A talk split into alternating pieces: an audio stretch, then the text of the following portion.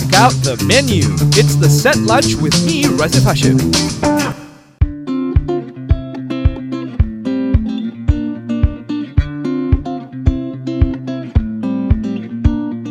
You're listening to the set lunch with me, Razif Hashim, and right now we are serving the main course where we are doing insights with experts in the F&B industry or people who have been in it for quite a while now. Today with us is Tuan Haji Kamal Bahri from Restoran Ayam Kukus Shukran. All the way in Shah Alam Section 13. Terima kasih kerana bersama kami hari ini. Uh, Tuan Haji.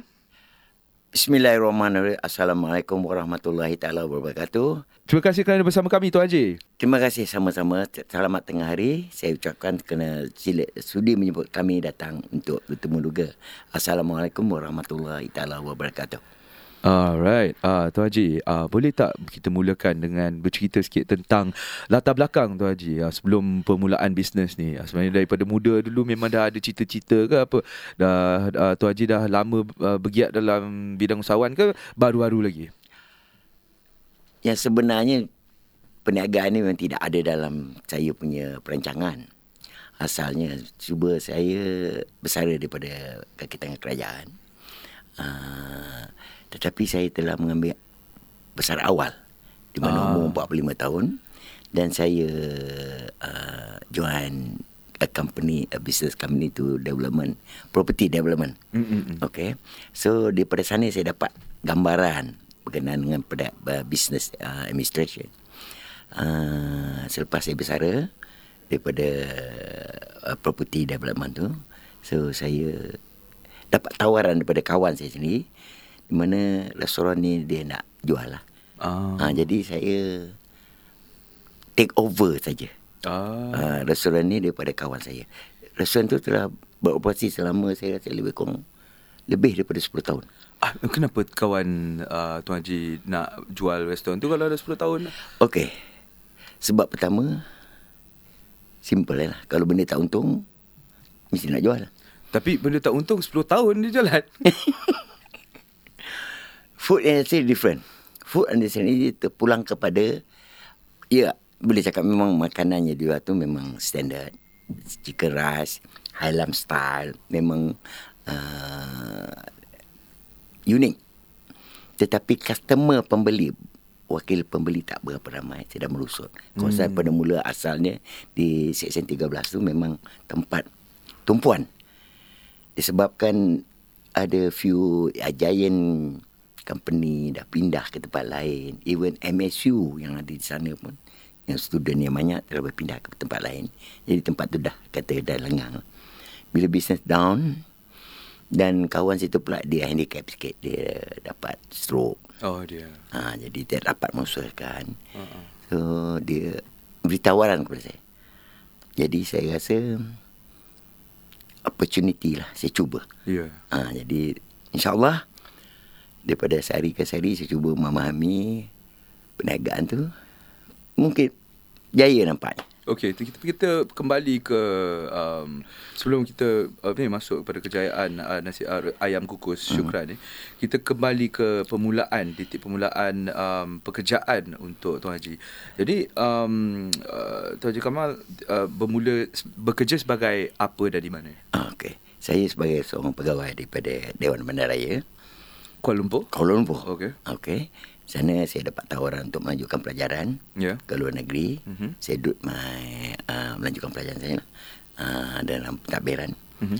Lepas tu saya balik, uh, saya dapat tawaran ke Jawatan Perdana Menteri. Ah. Uh, saya bertugas di Jawatan Perdana Menteri.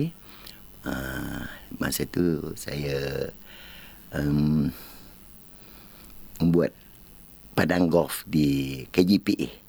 Oh, okay. Club golf. Perkhidmatan awam. Perkhidmatan awam. Oh, okay. Uh, saya the first of the GM dia lah. Ah. Untuk meneruskan perkhidmatan dan seterusnya. Dan saya dapat tawaran dengan Gatri. Uh-huh. Uh, bahasa umur 45 kita dapat tawaran boleh besar awal. Saya saya join pula Gatri. I see. Jadi dapatlah bersara awal. Bersara awal. Tapi it- itulah sekarang ni kita tengok pattern uh, kehidupan Tuan Haji Kamal kan. Apa yang kita nampak di sini adalah mungkin um, uh, peluang bekerja di uh, administration ya di di um, uh, bukan saja di di Prime Minister's Office tapi juga di Dewan Bandar- Bandaraya Kuala Lumpur um, itu adalah peluang untuk membuka banyak kontak betul tak? Dan konteks ni adalah sesuatu yang penting untuk buat uh, seorang usahawan. Ya. Ya, jadi daripada situ masuk ke Katri dan selepas tu Ya, alhamdulillah. Alhamdulillah yang, yang cik beritahu tadi ada sebagai batu asas lah untuk buat cabaran untuk membuat di alam perniagaan. hmm. Ha, dengan ada pengalaman di swasta, kerajaan apa semua. Jadi kita berani mencuba di dalam perniagaan pula. Mm-mm. Saya cuba dalam perniagaan. Ha. dan tak senang ya masuk punya perniagaan ni. Ber- Dah berapa tahun dah uh, restoran ayam kukus Syukran ni? Saya take over dah masuk tahun ketiga ni. Okey. Tahun ketiga. Aha. Aha, saya nampak perjalanan tu jalan eh, pasal makan orang akan makan walaupun ekonomi turun walaupun ekonomi naik dia mesti makan dan satu uniknya makanan nasi ayam kukus ni senang dan ringkas Hmm. ah dan murah lah Ya, ya, ya. Ya, harga yang apa senang Mampu. mampu ya. Mampu milik. Hmm. Ceritakan sikit about what happened when you got this restaurant. okay the first time I got the beef restaurant I had to check was what is wrong with that Okay. Okay, the most important thing because the place. I have to improve the place. Improve tu maknanya Why why did you kenapa you, you cakap yang the place tu jadi masalah? ah, place tu masalah dia kalau kedai makan mesti mau bersih. Ah, tahu tahu. Macam mana pun makan, lampu mau terang, Ah. meja mau bersih, pinggan mangkuk mau elok, apa Yeah. semua. Bila tu ma- makanan tu healthy.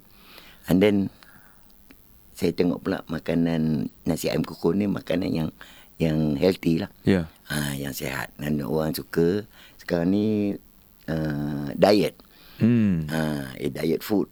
Dia tak berminyak apa semua dan ayam kukus ni memang kita tak goreng.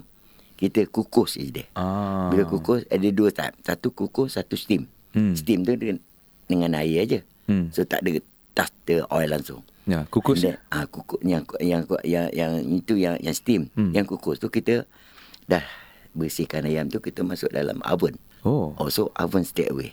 Oh, dia bake. Nah, dia bake. Dia tak dia, dia not fry. Oh. Ha, tak ada tak ada kena minyak, tak ada apa dan bila dia bake the thing luar dia nampak ku- kuning, Yeah. cantik keemasan. Dalam Yeah. dia putih. Yeah. Dia, dia, dia daging tu masih putih, even the tulang pun lembut. Oh. Ha, jadi dia akan lembut sampai ke petang.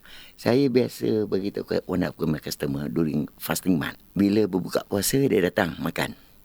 Dan dia minta bungkus untuk buka untuk buat Sahur. makan sahur. Ya. Saya cakap boleh makan lagi ke? Ha. Boleh Tuan Haji dia. Pasal apa bila nak sahur kan saya masuk dalam microwave panas. Hmm.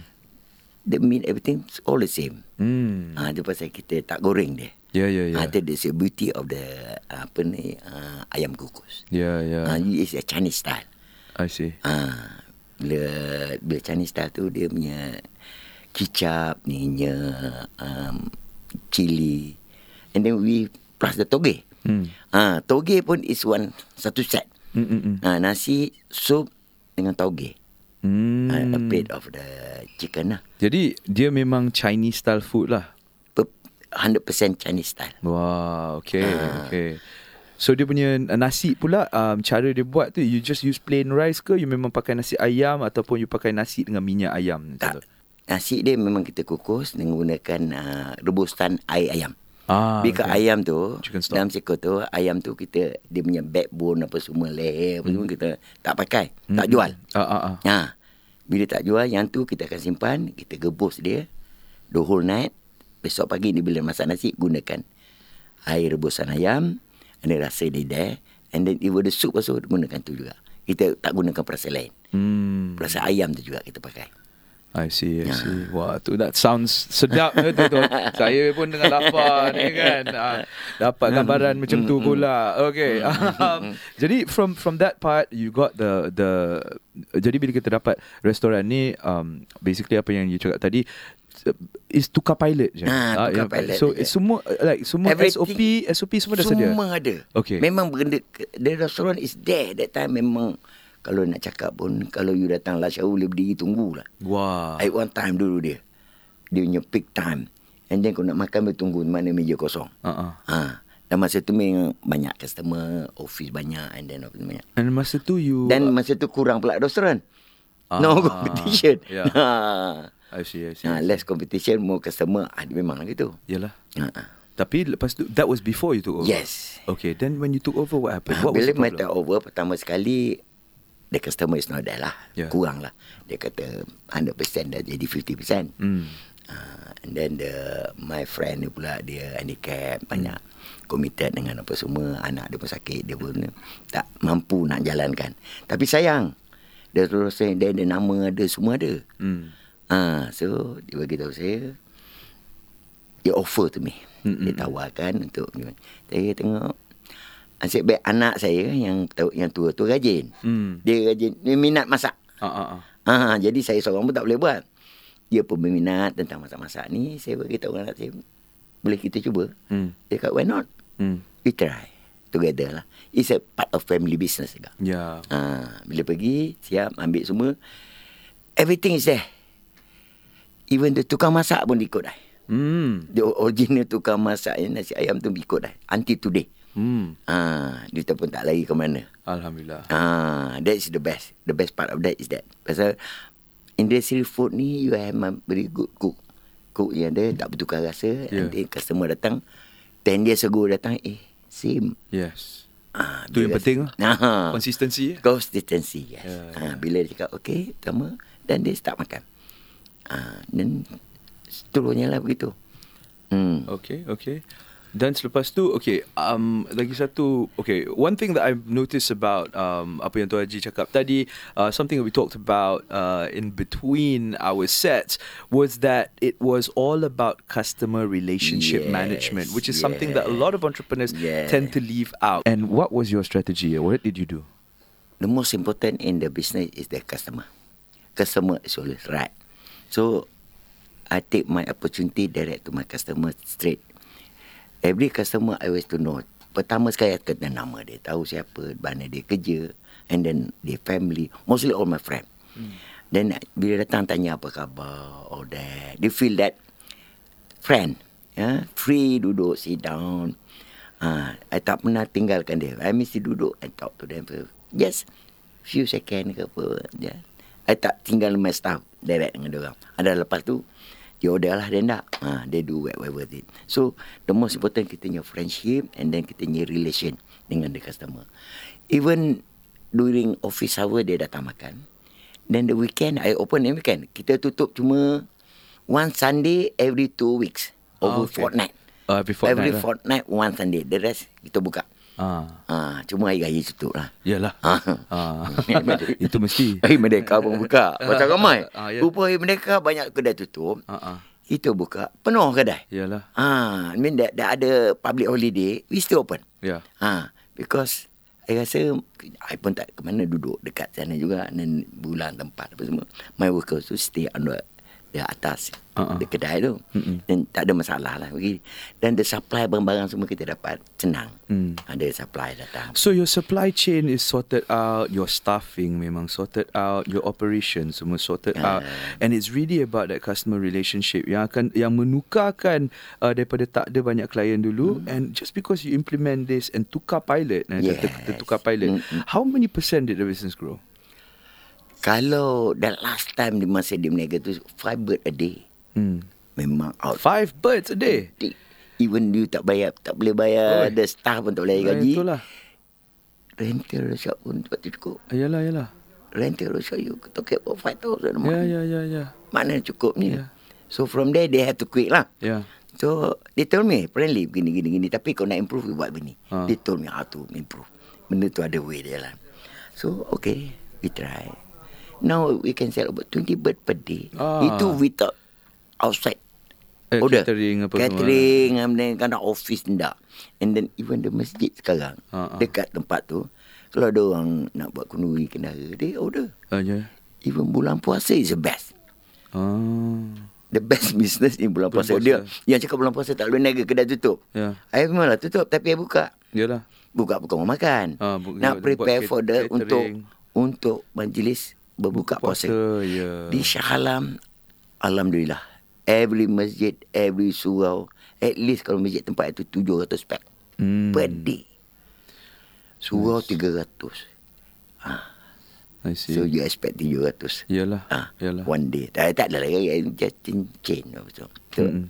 adalah rezeki. Yalah. Ah, it's good rezeki on the bulan puasa. And then, benda tu tentang packing. Packing one pack. Hantar. Packing, packing by packing. Yeah. Ah, so, most important, uh, bila I improve my relationship dengan my customer, Mm. and then my contact, personal contact dengan orang, and then semua. And then, I've got my, ada my group. My group is all the social name kita main a golf punya Uh-uh. group. Uh-uh. Ah, so kalau dia buat tournament, dia datang makan lah. Ah. The big group is there. No, that's that's amazing. You see, this is the thing, you know, family-run business, um, you know, and it's all community-driven. You know what I Yeah. mean? Everything is centered around the love and care of you know one another, community. Kan kita jaga orang kat Shalam, kita orang jaga, you know, and we, we take care of each other. you know what I Yes, mean? yeah. And I'm sure you we are. know each other also. And I'm Ah. sure you are the client of some of your uh, of your customers as well. Yes, You yeah. know what I mean? Yeah. Uh, itulah dia. So this is this is very important to note, guys. That customer relationship management is is really interesting because Mm. when we come, it, when we have a lot of entrepreneurs that run food Mm, businesses here, but none of them ever talk about that customer relationship management. It was always about you know Mm. Yeah, having the hard food, work, building the food, yes, etc. yes, you know what. I mean? Mm, mm. And yes, it is very important. you know what I mean? yes. But Mm. not as I mean, you know, once you have reached a certain level, this is how you maintain your business. yes. So sekarang ni Tuan Haji Nak cerita sikit pasal menu you Oh, yeah. Alright So apa yang you ada uh, Untuk dimakan Kata tadi Chinese food eh? Yes. Sebenarnya bila talk about restaurant, the most important is the food. mm. Food dia must different than others. Yeah Ah, Kalau kawan tu ada jual nasi apa sama. Kita lain daripada yang lain. Hmm. Bila lain daripada yang lain, people may come and try. Hmm. And try and dia rasa nice, dia come again. Hmm. So, menu main menu kita, dia chicken rice lah. Hmm. Rice tu, ayam tu memang kita buat roasted and then the steam. Di samping tu kita ada ala carte. All Chinese style. Kalau takat kuih tiaw, mi kung fu, mi yoying apa semua dengan apa uh, dim sum. Hmm. We have, kita ada pau. Hmm. Pau uh, kaya, pau apa ni kelapa. Benda ni semua ada orang tahu. Saya tak buat benda tu. Hmm. Ha, dia hantar tahu refrigerator dan kita panaskan buat. Memang fresh. Hmm. Jadi variety of food is there. So Apa it's a tu so pilihan. it's a Chinese menu lah predominantly. You got your pau, the dim Yeah, sum dim ada, sum ya? ada. Okay. Aha. But Yeah. because you punya food, you punya nasi ayam kukus memang centralized around Sen- Chinese theme kan? Yes. Uh, Okay. And then on top that jadi the the variety is there. Kalau dia rasa macam petang apa semua dan panas food. Ada fry. Hmm. Mi goreng ke kuih tiaw goreng or the kung fu mi all that all the Chinese style ada. I see. So but you focus masih ke Chinese style eh? You tak ada macam nasi goreng kampung apa semua. No, we kalau restoran Chinese is Chinese. Right. Kita tak boleh campur kedai mamak jadi kuih canai all that. Yeah. Jadi jadi bercampur aduk. Jadi Yeah. people make kalau dia nak pakai kedai mamak, dia pakai kedai mamak. Hmm. Ha, kedai Melayu, dia pakai kedai Melayu. Kita banyak ada kedai sana. Kita ada western, kita ada ada banyak pilihan. Hmm. Let the customer use dia punya apa rasa dia nak. Yeah. Bila dia kata Chinese style, is there. Muslim, Chinese style, halal. Yeah, halal. Ha, that's most important. Then it's Chinese style. Hmm. Ha, kita buat macam tu. Okay. Ha, then the the point is that lah. Jadi kita dah dapat bila datang, dia customer nak makan ni. Okay, dia makan mamak kari. Go kari. Hmm. The special curry house. Yeah. Ah, atau dia makan western dia pergi western food. Hmm, betul, betul. Sebab sekarang ni sekarang ni kita orang suka pergi specialist, bukan caca marba eh. Ah, senang. hmm. Ah, kalau nak makan Melayu nasi campur, dia guna nasi campur. Yeah. Ah, ada sana cinta sayang, ada semua ada. You go cinta sayang, dia ada uh, nasi campur, ini nasi campur. Jadi boleh makan variety of the ulam-ulam apa semua. Yeah. Tapi kau datang ke kedai, tak dapat benda tu. Yeah. Ha, jadi dia ada pilihan, dia, dia dah set mind. Sebelum dia datang, I'm, saya for sure, everybody before they want to eat, dia dah set mind. Nak Hmm. makan apa hari ni. Yep. Ha, dan dia carilah. Ah, this is the thing. This is the thing. Okay, so you ada uh, masakan goreng-goreng petang-petang. You got your, um, you know, basically you're focusing on your baked, either either oven baked um, fried uh, chicken, Chicken, rice yeah. or your steamed chicken rice, Yes, right? yes. Uh, and then uh, macam lauk-lauk ke tepi-tepi, you know, ada apa-apa. Oh, selalunya kalau kita makan uh, like steamed chicken rice, do we order tauge or do we Ah, order? yeah, yeah, betul, toge. Toge is on the sekali. Hmm. One set. Dia chicken, rice and soup and the the toge. This is under one set. Right. Ah, dia satu untuk chicken lah. And then kalau dia nak makan uh, ala ah, dia akan order another set. Ah, tu pun ada juga. I see, I Ah, see. Okay, dan dengar cerita pada waktu petang Hmm. ada bisnes lain pula di depan kedai Tuan Haji. Ini this a part of the opportunity lah. Biasanya saya buka 10 to 10. Hmm. Then uh, no breakfast lah. Kita trade for the lunch and dinner. Malam biasanya tempat tu a bit quiet lepas isyak. Lepas Hmm. maghrib isyak orang tak beramai dah. This ada satu hamba Allah dia datang jumpa dia nak buat shisha kata dia. Hmm. Saya rasa shisha ni boleh ke tak boleh. Fikir-fikir why not try. Give a try. Dia cakap pakcik saya banyak follower lah semua ada memang ramai. InsyaAllah. Semenjak dia datang dah berapa uh, second month dah. Hmm. Every night penuh Sampai 2-3 pagi budak shisha ni Oh, Rupanya ya. yeah. isap shisha ni Dia kena makan dulu Hmm. Dah kenyang apa semua Dia isap lah shisha Hmm. hmm. ah, Then dia datang crowd that. So now Every day my chick bird finish Hmm. Tak ada simpan over Tak ada semua all finish You tak increase capacity ke? Increase capacity Kalau ada Tengok day Ah. ah. Saturday night Kita kita lah Tapi kalau malam tak habis tu I lelong je Budak-budak datang tu cakap ah, Okay I biasa jual uh, Setengah ekor ni Okay lah you ambil 5 dollars 10 dollars hmm. ah, Habiskan sekali It's the it's that last is that Yes. that special deal yes, lah. special deal. Malam dia dah tahu dah. Malam je, ah, pakcik, ah, nak, ya. Kadang nak bawa balik semua. Ada ambil semua. Hmm. Finish lah. Hmm. Ha, jadi ayam tu Sebab habis. your your food's fresh every day eh. Ha, ha, memang fresh. Ayam tu masak pagi dan masak petang. Hmm. Ha, then finish. Okay. Fantastic, fantastic. Alright, so there you go. Itu dia menu yang kita ada dekat restoran ayam kukus Syukran. Di sana kita boleh dapat nasi ayam kukus, nasi ayam uh, bakar, uh, bakar eh. No, It's, it's ah, baked. ah, ah, baked. Baked, eh? Baked, yeah. baked Mm. chicken.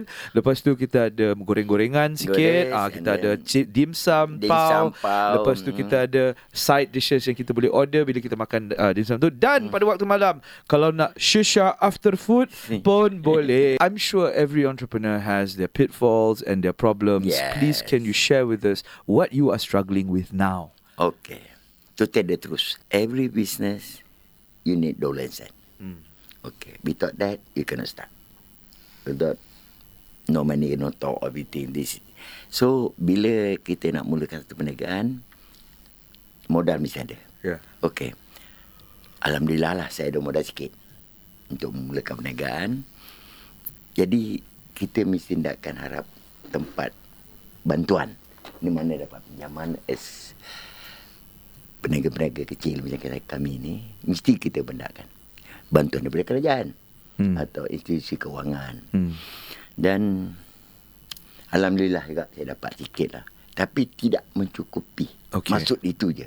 Ya kasih tapi tidak pernah mencukupi. Jadi apakah masalah Okay selalunya kita dengar um, re- bila bila kita ada tetamu di dalam studio kita kita selalu bercerita dengan tetamu-tetamu yang ataupun bisnes yang uh, dah uh, yang baru ya. Um, mereka tak ada masalah seperti Tuan Haji because this is if you guys imagine it's a business that was running strong for 10 years and then he took over and now um, although he has managed to turn around everything he's now facing the operational problems of a 10 year old company Yes, you know what I mean and so yes, what yeah. uh, apa masalah-masalah yang perlu diperbaiki dalam restoran tu There's a lot of problem with the property itself. Benda kedai tu juga. After 10 years, you got, pertama sekali the refrigerator will be out. Hmm. The painting of the shop. Hmm. And then the kursi meja, all kegelapan, ikut pinggan mangkuk, semua nak ada tukar. hmm. Walaupun benda ada. Yeah. Bila nak to improvement, you have to make new. Hmm. Make over. yeah Ha? Bila make over tu, you need money. yeah So, this is the part where we need somebody or wherever institusi kewangan dapat membantu kita. yeah To tell the truth, saya bukannya buah pokoknya bisnes apa semua. We have the shop where permanently. Yeah. Ah, but is is there. And then the the working papers there dapat berapa banyak apa semua. So bila dapat bantuan tak mencukupi. Ha, ni masalah dia. Kita nak buat tak boleh nak beli refrigerator satu dengan harga 40,000 dia kasih pinjaman 5,000 macam mana dapat. Iyalah. Begitulah maksud dia. Ya, ya, ya. Faham, faham, faham. Ha, bila tak cukup tu jadi kita tak to struggle. Alhamdulillah juga saya uh, dengan duit sikit tu saya buat sikit-sikit dan we buy over the shop tu kita bayar tak bayar sekaligus. Hmm. Kita bayar installment. Mm-mm. So I finish a year. Hmm. Hmm. Kita bayar sepuluh ribu sebulan, sepuluh ribu sebulan bayar kepada itu tu. Saya, saya beritahu dengan kawan saya. Hmm. Saya tak ada duit. Hmm. Dan you want to do business, this is the way. Yeah. Ada accept. We manage. Yeah. Until today, tak ada apa hutang. Habis semua habis dan the shop. Alhamdulillah. Itu. Ah. Tapi cuma, kalau dapat bantuan, bet, I mean cukup untuk kita. Ya, kalau saya pinjam satu ribu, dia kasih sepuluh ribu. Yeah. Mana nak datang? Yeah, tapi okay, uh, let's just um think of alternative financings. Um, Tuan Haji tak pernah terfikir nak um, ambil partner baru ataupun um, you know someone who can bring in the money and some expertise. Okey. Kalau boat tu boleh duduk dua orang, kalau sampai nak isi sepuluh orang, why? Hmm. The boat will berth. Hmm. Cukup lah dengan dua orang, dua orang lah. Yalah. Kita belayar lah. Ya. Senang. Kalau boat tu untuk dua orang, you panggil kawan lagi masuk, bertambah tenggelam lagi. Ya, ya, ya. Ha, that is the reason why I tak panggil orang. Uh, uh, uh. Because it's managed, easy to manage. Ya. Benda you one way je. One to one, two. Yeah. Kalau kalau saya nak buat development rumah ke apa ke need that. Yes, you correct. You are correct. Tapi tengok situation apa yang kita buat. Kau setakat restoran kau panggil orang datang dengan dia eh, lagi ask me eh why why all five why W ni tak pening kepala. Ah, yalah. Ah, the most important you manage easy boleh jalan. Uh, uh. Ah, you can call a friend whatever is it kalau business tu different environment you need yes we need betul you cakap tu I pun agree tapi with this small business is enough to you to cater for you you go first Alright. Uh, Tuan Haji tak pernah terfikir nak uh, expand, buat lagi satu outlet atau apa? ah tentang perkara ni memang my future development Apa plan Tuan Haji untuk uh, masa depan? Alhamdulillah pasal pengalaman selama 3 tahun saya dapat saya nampak future is there pemandangan kehadapan tu ada kalau setakat jual nasi ayam ni daripada 5 bird per day saya boleh jual 20 bird I want to sell 100 bird per day Wow. That's quite an ambition. So macam mana uh, nak execute um, plan ni? ah ini bukan cakap angan-angan kosong Hmm. senang kalau saya kasih contoh satu majlis perkahwin seribu orang berapa ekor ayam nak makan 100 birds is there Yeah. habis Uh, Saya boleh supply 100 bird a day. Ya. So, saya kena buat satu majlis.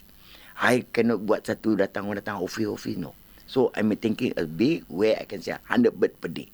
So, I nak cari at least 1000 orang datang makan. 1000 orang datang makan maksudnya majlis. yeah. Yang majlis yang popular sekarang majlis perkahwinan. Di mana saya nampak di Shah Alam sendiri, especially di 13. Kita kekurangan tempat.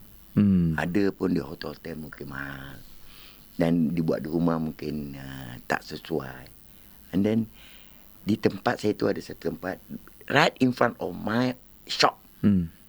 Lebih kurang satu ekar tanah kosong. Ya. Dipunyai oleh majlis uh, pembandaran Shah Alam. Yeah. Saya cuba memohon Okay. untuk dirikan uh, wedding garden ni call it. Okay. Nicely buat maintain the place, cantikkan, Ya, ya. bersihkan. Di mana tempat tu sekarang tinggal. Ah. Selama lima tahun tinggal. Kalau saya cakap tempat tu main daif lah. Dengan Ah. nyamuk dia dengan musim panas saya dengan biawak pun keluar dari tempat lubang-lubang banyak Ah, tempat tinggal. Ah. Tak maintain. So saya cuba mohon kepada majlis uh, pembandaran Syalam untuk mendirikan dengan atas belanja saya sendiri. Uh-uh. Oh, betul sebenarnya sendiri. Ya. Yeah. Mendirikan itu. Pasal apa? Kita nampak future tu ada. Demand is there. Hmm. Bila demand is there, saya rasa mana bank pun berani kasih pinjam saya. Hmm. Atau majlis marah ke apa ke. Di rumah pa- paperwork. Kalau satu bulan, satu minggu saya boleh dapat dua wedding. Satu bulan empat wedding. Satu wedding saya dapat seratus ribu. Dah berapa. Yeah. Ha, and then di sana pula restoran-restoran yang ada di keliling tu. Yeah. Partly saya sekarang menjadi so-called one of the committee lah. Yeah. Uh, chairman of committee untuk restoran-restoran yang ada. Lebih kurang 30 lebih restoran. Yeah. Dia ada western. Kita ada local. Kita ada siam. Kita ada uh, traditional new food everything. So, customer yang saya nak buat, saya buatkan tempat aja. Dia entertainment place. Dan dia boleh ambil semua makanan F&B yang ada di tempat situ. Yeah, that is a great idea. Yes, kita one stop center. Yeah. And then kita ada tiga cake house. Yeah. Di samping tu kita ada uh, uh, uh, dua makeup mak andam. Ah, Gabi. Oh. Dah ada di situ. Semuanya settle dekat 13 eh. And then the hotel also Acapella is there Kalau you nak berbulan madu Sebelum apa pun duduk You can stay the hotel Yeah. Section 13 hotel apa tu? ha? Hotel apa? oh, Acapella Oh, Capella. Ah. Depan tu Okay. Ada nak ada tiga hotel lain Ya. Semua-semua hotel Ya. ha. Dan kalau pengantin nak duduk Sebelum pengantin apa Boleh duduk Iyalah. Tak payah disewa tempat lain Dia dapat right in front of the land Yang I masukkan Right, right. Tak payah berjalan Dia jalan kaki Tak payah sewa kereta apa semua Mm, mm, mm, mm, mm. The convenience is there. Mhm. Mm-hmm. So I'm talking about one stop center. Yang paling cantik sekolah masjid kita Al Ikhlas Ah. yang ada tu yang baru, yang cantik yang terbina tu. Yeah. Pak Imam sendiri is qualified to be uh, Pak, dia, jadi tuan kadi. Nah, betul Memang kadi. daripada Jais. Yeah.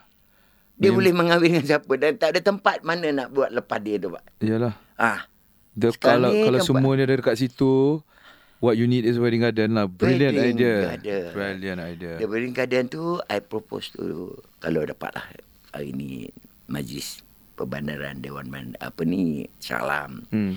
SPJ Datuk Bandar sendiri lah Hmm. ambil pandang sikit Ya. ada permohonan saya. Saya dah dapat sekali saya buat permohonan tak lulus. Saya buat surat rayuan lagi Ya. pun tak lulus juga. Saya tak tahu apa nak buat lah. Baiklah. Is there lah kalau dapat apa-apa sama bantuan ada apa-apa ke. Memang kita hendakkan satu wedding garden yang indah, senang selesa di sana. Di especially khasnya di 13. Hmm. Nah, Baik, baik, baik. Well, that's amazing. I think you know what um ke- kepada anda semua di sana kalau ada mana-mana cara untuk menolong Tuan Haji Kamal untuk menjayakan idea ni uh, mungkin this would be a great place for you to connect and maybe partner up with what is one of the legends in section 13 Shah Alam iaitu restoran ayam kukus Syukran. Tuan Haji terima kasih kerana bersama kita hari ini tapi sebelum kita akhirkan set ni boleh tak Tuan Haji berikan sedikit sebanyak petua kepada uh, muda-mudi di sana uh, anak-anak muda-mudi di sana untuk yang ingin meng- membina sebuah uh, syarikat atau menjadi seorang usahawan. Tiga perkara. Alhamdulillah saya cakap satu perkara je. Senang. Cekal dan berani. Wow. Sudah. Tak payah takut pada pasal apa. Rezeki, sakit, senang, buruk, baik, semua tangan Allah. Ya. Allah yang menentukan.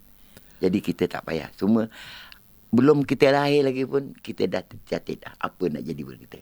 Ya. Janganlah kita susah hati. Kalau dia katanya baik baik, buruk buruk. Baik daripada dia, buruk daripada dia. Semua kita bersyukur. Ya. Dan word bersyukur tu the most important. Yes. Tak payah apa-apa dah. Itu dia. apa pun kita bersyukur. Ya. Alhamdulillah. Alhamdulillah. Terima kasih Tuan Haji. There you go. Not three things but three words. Cekal, berani, bersyukur. And that's all you need or one of the things you need when you're dealing with starting up a business. Kita ucapkan terima kasih lagi sekali kepada Tuan Haji Kamal kerana bersama kami.